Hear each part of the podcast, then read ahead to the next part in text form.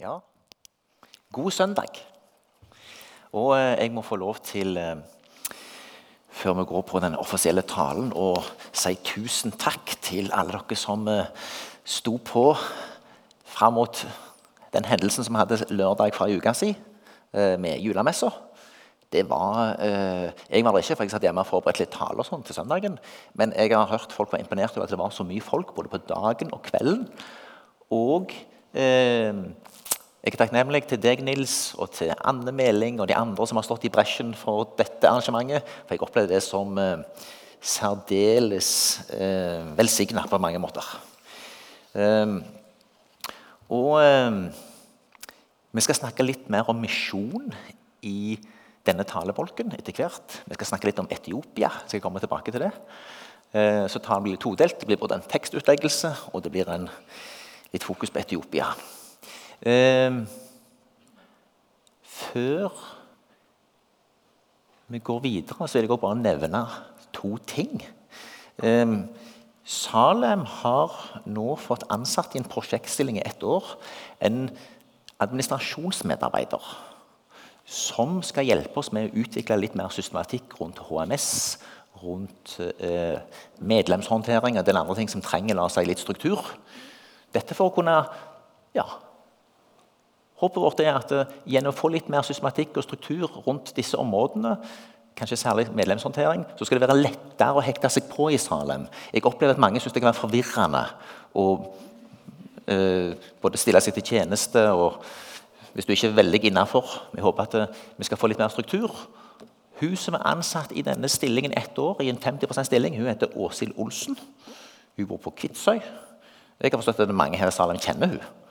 Jeg kjenner ikke henne. Jeg har snakket med henne én gang etter hun ble ansatt. Eh, men, men, eh, det tror jeg blir veldig bra. Be gjerne for denne stillingen og at dette må bli til velsignelse for Salem. Og be gjerne for hun. Hun begynner i januar. Mm. Og så har jeg en god venn som heter Tansona fra Madagaskar. Tansona var her og sang sammen med en gruppe fra Madagaskar på konfirmasjonsgudstjenesten. Tansona, may you raise up? Han er der. OK, you can sit down. Takk. Tanzon er en fantastisk kar. Han er prest på Madagaskar, leder fire kirker. reiser han hit. Han har kone unger tilbake i, i, i Madagaskar. Nå er det kona hans som stort sett styrer og administrerer rundt menighetene. Han har jobba hos meg i sommer, um, og det var veldig bra, sammen med en som heter Radosua. Um, disse guttene de har noen sånn etternavn som er så lange at du må liksom ha en kaffepause før du liksom er ferdig. Uh, så de kan jeg ikke si.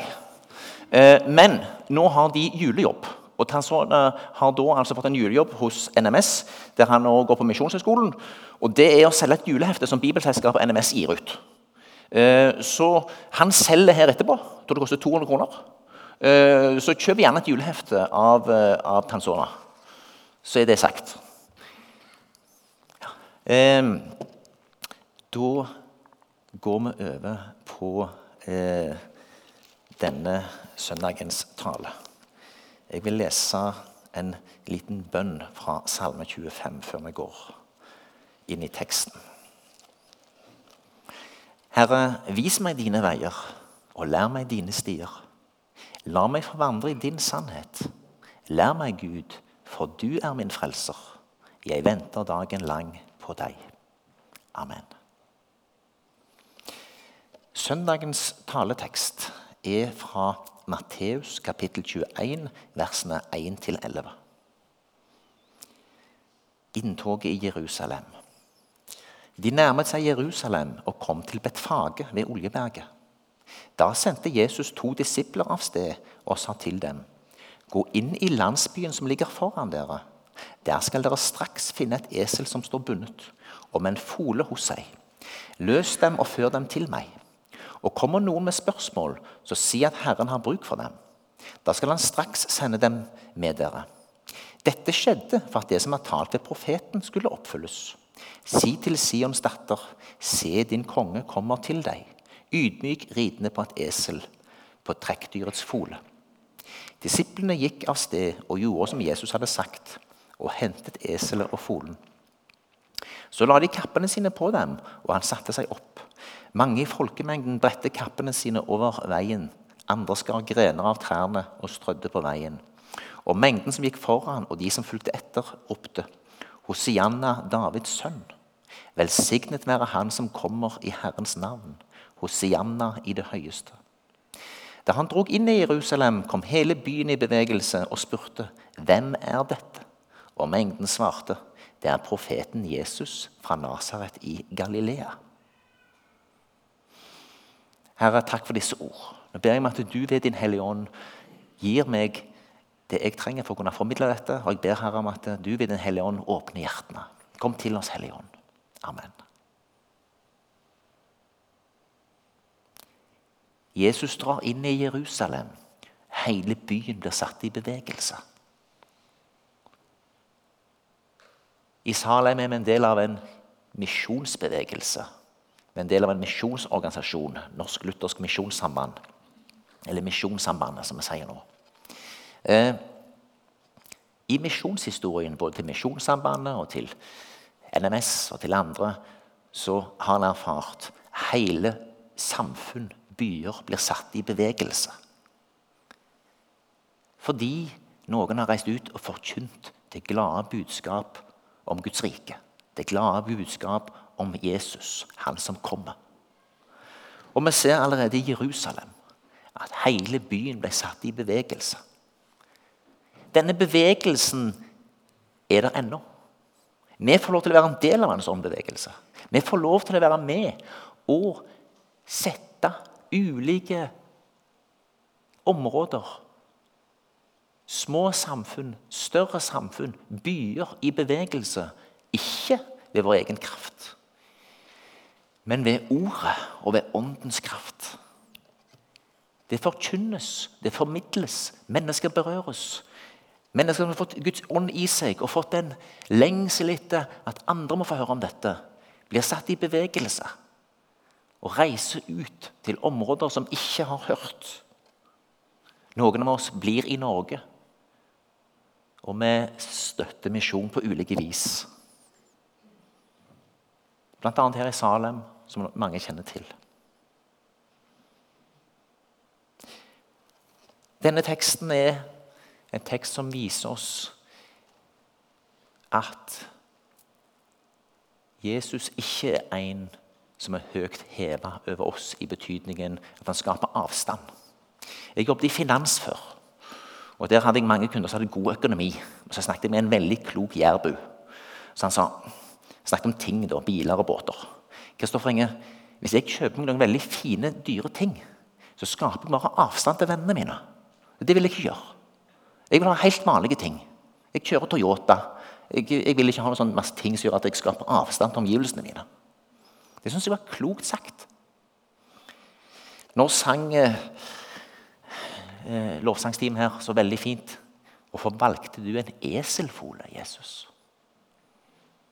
Det at han valgte en eselfole, er så spesielt at det hos profeten Zakaria er altså nevnt spesielt. Se, din konge kommer til deg.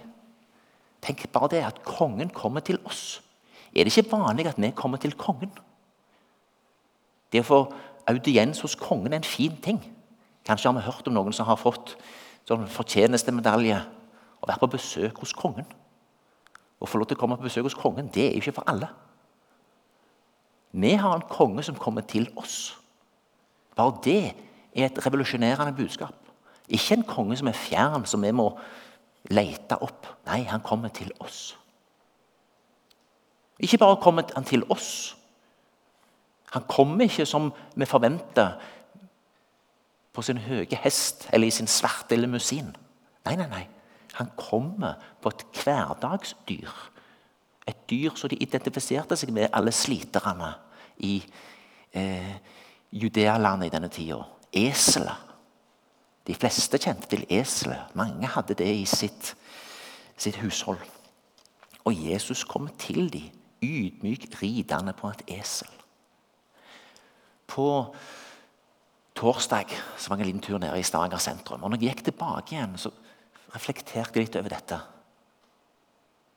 Jeg gikk tilbake til Salem. Hmm. Tenk hvilken Gud vi har. På ene sida har vi en Gud som har fortalt oss at han har skapt alt. Han er allmektig. Han har skapt de store tingene som er så store og uendelige at vi knapt forstår dem. Han har skapt de små tingene som er så uendelig små, med så mange mekanismer inni seg at vi ikke forstår det. Han er altså en Gud som på alle vis er allmektig. Og Samtidig så tror vi på en Gud som har kommet oss så inderlig nær at han har en samtale med den enkelte av oss og bryr seg om den enkelte. Og ikke hever seg over oss, men kommer til oss på en måte som gjør at vi kan kjenne han igjen. Han har gjort seg gjenkjennbar, forståelig. Han har gjort seg kommuniserbar, slik at vi kan fortelle om han til andre. Se, jeg har fått en venn her. Vil du treffe denne vennen? Ja, det vil jeg. Så er det mulig å formidle. Jesus kommer til oss. Han skaper nærhet og ikke avstand. De gudene som menneskene skaper seg, er ofte mindre. De er ikke allmektige. Hvis vi går til gresk mytologi og norrøn mytologi, så var det relativt mange guder. og De hadde sine roller. Men ingen av dem var den allmektige, ene sanne Gud som har skapt alt. De gudebilder vi lager oss i våre hoder, de er ofte veldig selvsentrerte. De er knytta til noe vi vil, noe vi tenker på. Noe vi skaper i vårt bilde. Gud han har kommet til oss på en måte som ingen av oss hadde tenkt. Han har kommet til oss på en måte som ingen av oss hadde greid å komme på av oss sjøl. For når vi tenker på en Gud, og et Gud som vil lage, så vil han på mange måter være opphøyet. Ingen mennesker ville komme på å lage en Gud som var et lite barn og et menneske som rir på et esel. Nei, nei, nei. Den menneskelige tanke vil alltid opphøye gudebildet. Men vi har fått en Gud som har kommunisert til oss ved sin ånd hvem han er. Og han er helt ulik alle de gudebilder som menneskene skaper. For klassikeren er at Gud er litt fjern, hever over oss andre, representerer en eller annen form for makt som tar fra oss en eller annen frihet. Vi har en Gud som kommer til oss for å gi oss frihet. Han har gjort det slik at vi faktisk har fått del i eh, gudelighet på den måten at vi på samme måte som Gud kan velge. Bare det å kunne velge å ha den friheten er en enorm frihet. I veldig mange religionssammenhenger så er det ikke noe valg, det er noen harde krav. Men Gud gir oss frihet. Herren er ånden, og hvor Herrens ånd er, der er frihet. leser vi i Nye Testamentet.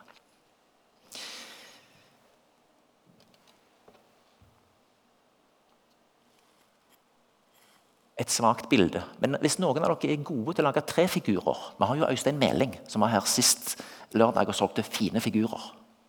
Tenk at Øystein hadde lagd noen fine små trefigurer. Og så velger han på et eller annet tidspunkt selv å bli en trefigur. Det er jo en ganske vill tanke. Men da er det åpenbart at eh, han hadde redusert seg sjøl fra å være et menneske og alt et menneske er, til å være noe mye mindre. Det er et svakt bilde. Men tenk at Gud, som har skapt alt, og som òg har skapt mennesket, har valgt å bli lik sin skapning. Han valgte å tre inn i det å være et menneske, noe som han hadde skapt. Dette mennesket må i utgangspunktet være noe mye mindre enn det han er, for han har skapt det. Der som er parallellen. Den som har skapt noe, er noe mye mer enn det han har skapt. Gud velger likevel å tre inn i sitt skaperverk og bli likt skaperverket.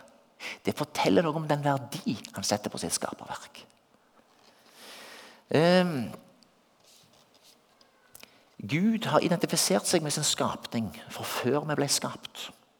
Allerede på intensjonsstadiet er det klart at Gud ønsker å skape mennesker som noe som har gudlighet.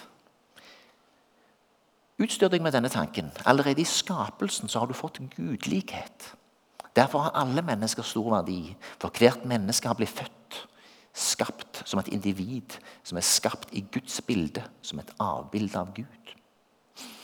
Vi vet fra bibelhistorien at mennesket valgte seg ut av Guds velsignelse gjennom å ikke være lydige mot Guds vilje.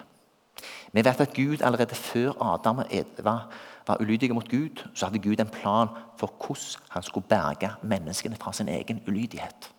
Tenk å ha en sånn Gud som vet hva han skal gjøre før disasteren har skjedd. Som foreldre har vi kanskje erfart noe av det. Vi har en eller annen slags beredskap for hva vi skal gjøre eh, hvis det er et eller annet som går galt. Det fine er hvis vi tenker så godt om at vi ikke hisser oss grassat opp når det gale skjedde. Når noen velter et glass eller et eller annet. Men at vi faktisk har en liten sånn beredskap for at det kan skje. Det er en god ting som forelder. Men Gud hadde en plan. Gud hadde en plan for hvordan han skulle berge menneskene fra sin egen ulydighet, fra sin egen feilbarlighet. Gud har aldri gitt opp sin skapning, mennesket. Det ville være mot Guds natur, hans uendelige godhet, å svikte menneskene. Gud har hatt en plan før syndefallet. Vi leser i Efeserbrevet kapittel 1, vers 4a. I Kristus har han utvalgt oss før verden ble skapt. Tenk det. Det er altså ikke bare sånn at Gud lagde seg en plan etter at disasteren der i paradis hadde skjedd. Før mennesket ble skapt, før verden ble skapt, så hadde Gud en plan for oss. Det er en tanke som er veldig vanskelig for oss å følge, for den ligger utenfor tid. Tenk at Gud hadde en plan for dette. Han skapte et fritt menneske som kunne kjenne på den samme friheten som Gud har. Friheten til å velge, til å forme, til å handle eller ikke handle. Frihet til å gjøre godt, men òg frihet til å velge en annen vei. Hva er det der i hagen i de første menneskenes tid? Et tre med frukt som hvis du spiste av det, så vil du få kunnskap om godt og ondt. Jeg har ikke tenkt så mye på det før jeg satt her med denne preika. Men det betyr at allerede før menneskene synda, så var det motsatte av Guds godhet en realitet. Det onde var der før mennesket. Betyr det at fallet i himmelen, de englene som forlot Gud, må ha forlatt Gud før menneskene ble skapt? Skjedde det i den perioden, denne, denne, dette opprøret i himmelen, mens jorda lå øde og tom? At vi er blitt utvalgt i Kristus, at Kristus var blitt utvalgt for å frelse oss før verden ble skapt, er en enorm tanke. Og I advent, advent skal vi minnes dette. At Gud, vår Far, fører sin sønn til jorden. Adventus domini, Herrens komme, eller Herrens ankomst, som Kristine sa. Tenk det. Gud som er så stor, kommer oss nær og blir som oss, helt alminnelige, vanlige mennesker. Han kommer til oss, han kommer oss nær. Gud fullfører den planen som han hadde før verden ble skapt. Og Planen er virkeliggjort i den fysiske verden for drøyt 2000 år siden. Gud blir født inn i verden som Jesus. Guds sønn unnfanget Den hellige ånd. Vi skal ha nattverd etterpå, og da skal vi eh, bekjenne troen, trosbekjennelsen. Det er en bekjennelse til den treenige Gud. Jeg tror på Gud Fader, jeg tror på Guds Sønn, jeg tror på Gud den hellige ånd. Og så er det en fin setning inni den apostoliske trosbekjennelse, som på en måte eh, er en slags trosbekjennelse av den treenige Gud midt inne i trosbekjennelsen av den treenige Gud. Det er setningen 'Jeg tror på Jesus Kristus, Guds enbårne Sønn, vår Herre', som ble unnfanget ved Den hellige ånd. I denne setningen er hele treenigheten til stede. Gud Faders sønn, Jesus Kristus, tror vi på. Han som ble unnfanget ved Den hellige ånd. Her har vi hele treenigheten i en fortetta setning som en bekjennelse av og til den treenige Gud. Tenk at han kom. Tenk at Gud ble født inn i verden. Tenk at han som har skapt alt, universets uendelighet og alle de små hemmelighetene i alt det skapte, Tenk at han kom til oss. Er det noen av dere som har vært på Vitenfabrikken i Sandnes? Opp med en hånd. Er det noen som har vært i Planetariet? Det er fantastisk. Dere, de, som uh, ikke har vært der, du må ta en tur der. Det er jo helt utrolig fantastisk. Det er sånn som dette her. Du får se jorda, for du zoomer veldig ut. Og Så er du da i vårt solsystem, vår galakse først, i Melkeveien. Og så ser du bare en liten prikk som er jorda. med, med, med 400 milliarder stjerner. Og Så zoomer du ut derifra, og så forstår du at Melkeveien med disse 400 milliarder stjernene er bare én av kanskje 1000 milliarder solsystem. Og Da ser du plutselig at Melkeveien nå bare blitt en bitte liten prikk. Med de 400 milliardene stjernene. Og det er da du forstår hva uendelighet er. Det er da du, det er da du forstår at du ikke forstår. Det er da du forstår at dette er så mye større. Det er da du aner litt om hvor stor Gud er. Så mener, Det går an å gå på Vitenfabrikken i planetariet og få styrket sin tro på en allmektig og stor Gud. Gjør det. Um, men tenk dette. At han som er så stor, bryr seg om oss. Guds skapelse av mennesket er noe helt annet enn vår skapelse av tre figurer. som jeg nevnte. Trefiguren har ikke linje, verdi på linje med oss. For vi har ikke evne til å ta noe av vårt materiale og bygge inn i det vi skaper. Men det har Gud evne til. Og de evnene har han brukt når han skapte mennesket i bildet til Faderen, Sønnen og Ånden. Vi er skapt som avbilder av Faderen og Sønnen og Ånden. Menneskets verdi, verdi ligger i dets gudlighet, at det besjela har fått ånd som Gud òg har. Menneskene var ulydige, de ble frista av slangen, de ble utstøtt fra den perfekte hagen. Men vi ble aldri glemt av Gud. Vi ble aldri forlatt. Vi lengta fort tilbake til Gud, til hagen, til det perfekte. Allerede i første Mosebok, kapittel 4, i de fjerde kapitlene i Bibelen, så, så står det at Adam og Eva, som hadde blitt kommet ut av hagen. Kain og Abel, sønnene deres, der Kain hadde slått i hjel Abel og selv blitt lyst fredlys. Så kommer de sammen igjen, og så får de en sønn som heter Sett. Og så står det etter det så står det, På den tid begynte de å påkalle Herrens navn. Så deilig! Gud var der fremdeles, og det visste de. Og de begynner å påkalle ham. Og i det syvende leddet i Sets slekt, så har vi Enok. Han ikke bare påkaller Herrens navn og lever. Nei, Enok levde ikke.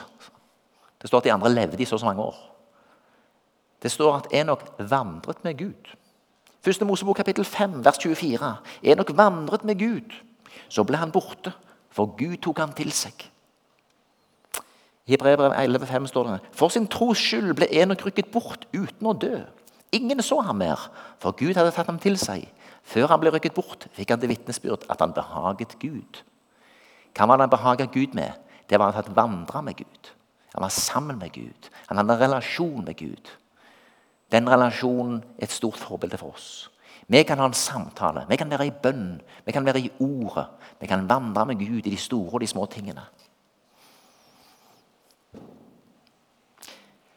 Hvorfor kommer Jesus? Et lite hint. Det første Jesus gjør i Jerusalem, er å rense tempelet. Hedningenes foregård. Tempelplassen. Jesus vil ha bort alt styret rundt offerhandlingene. Han vil gjenopprette tempelet som et bønnens hus for alle folk. Og Da er vi med en gang inne i misjon. For Jesus kommer til hedningene. I en større utvidet tolkning av dette kan vi si når Jesus er inn i Jerusalem, så er det for å rense enhver hedning ethvert menneske i alle folkeslag. Det er både en soning, et oppgjør og en invitasjon. Hver den som påkaller Herrens navn, skal bli frelst. Og Siden Jesus rei inn i Jerusalem og fullførte den planen som Gud hadde lagt før verden ble skapt, så har enormt mange kommet til tro, blitt satt fri, fått en levende relasjon til Gud. Jesus har satt mange mennesker i bevegelse de siste 2000 år. Gud har kommet oss nær. Han har blitt som oss, levd som oss og rensa oss. Vi har en konge som kommer til oss som en av oss. Menneskets uendelige verdi, skapt i Guds bilde, som et avbilde av Faderen og av Sønnen av Ånden, er blitt påminnet oss og synliggjort for oss når Jesus kommer inn i verden. Dette er det vi minnes i adventtida og i jula. Vi venter på Hans komme som en høytidsmarkering og en feiring som en realitet i våre egne liv hver dag, hele livet. For vi trenger stadig fornyes ved nåden. Stadig trenger vi å be 'Jesus, kom inn i mitt liv', eller 'Herre, jeg kommer til deg'. Og vi venter på Hans komme som et evig håp. Vi ber sammen til slutt. Lova være du, Gud, vår Herre Jesu Kristi Far. Du som i Kristus har velsigna oss med all åndens velsignelse i himmelen. I Kristus har du utvalgt oss før verden ble skapt, så vi skulle stå hellige og feilfrie for ditt ansikt. I kjærlighet har du av din egen frie vilje forutbestemt oss til å få barnekår hos deg ved Jesus Kristus. Til pris og ære for din herlighet og for den nåde du har gitt oss i din elskede Sønn. Amen. Da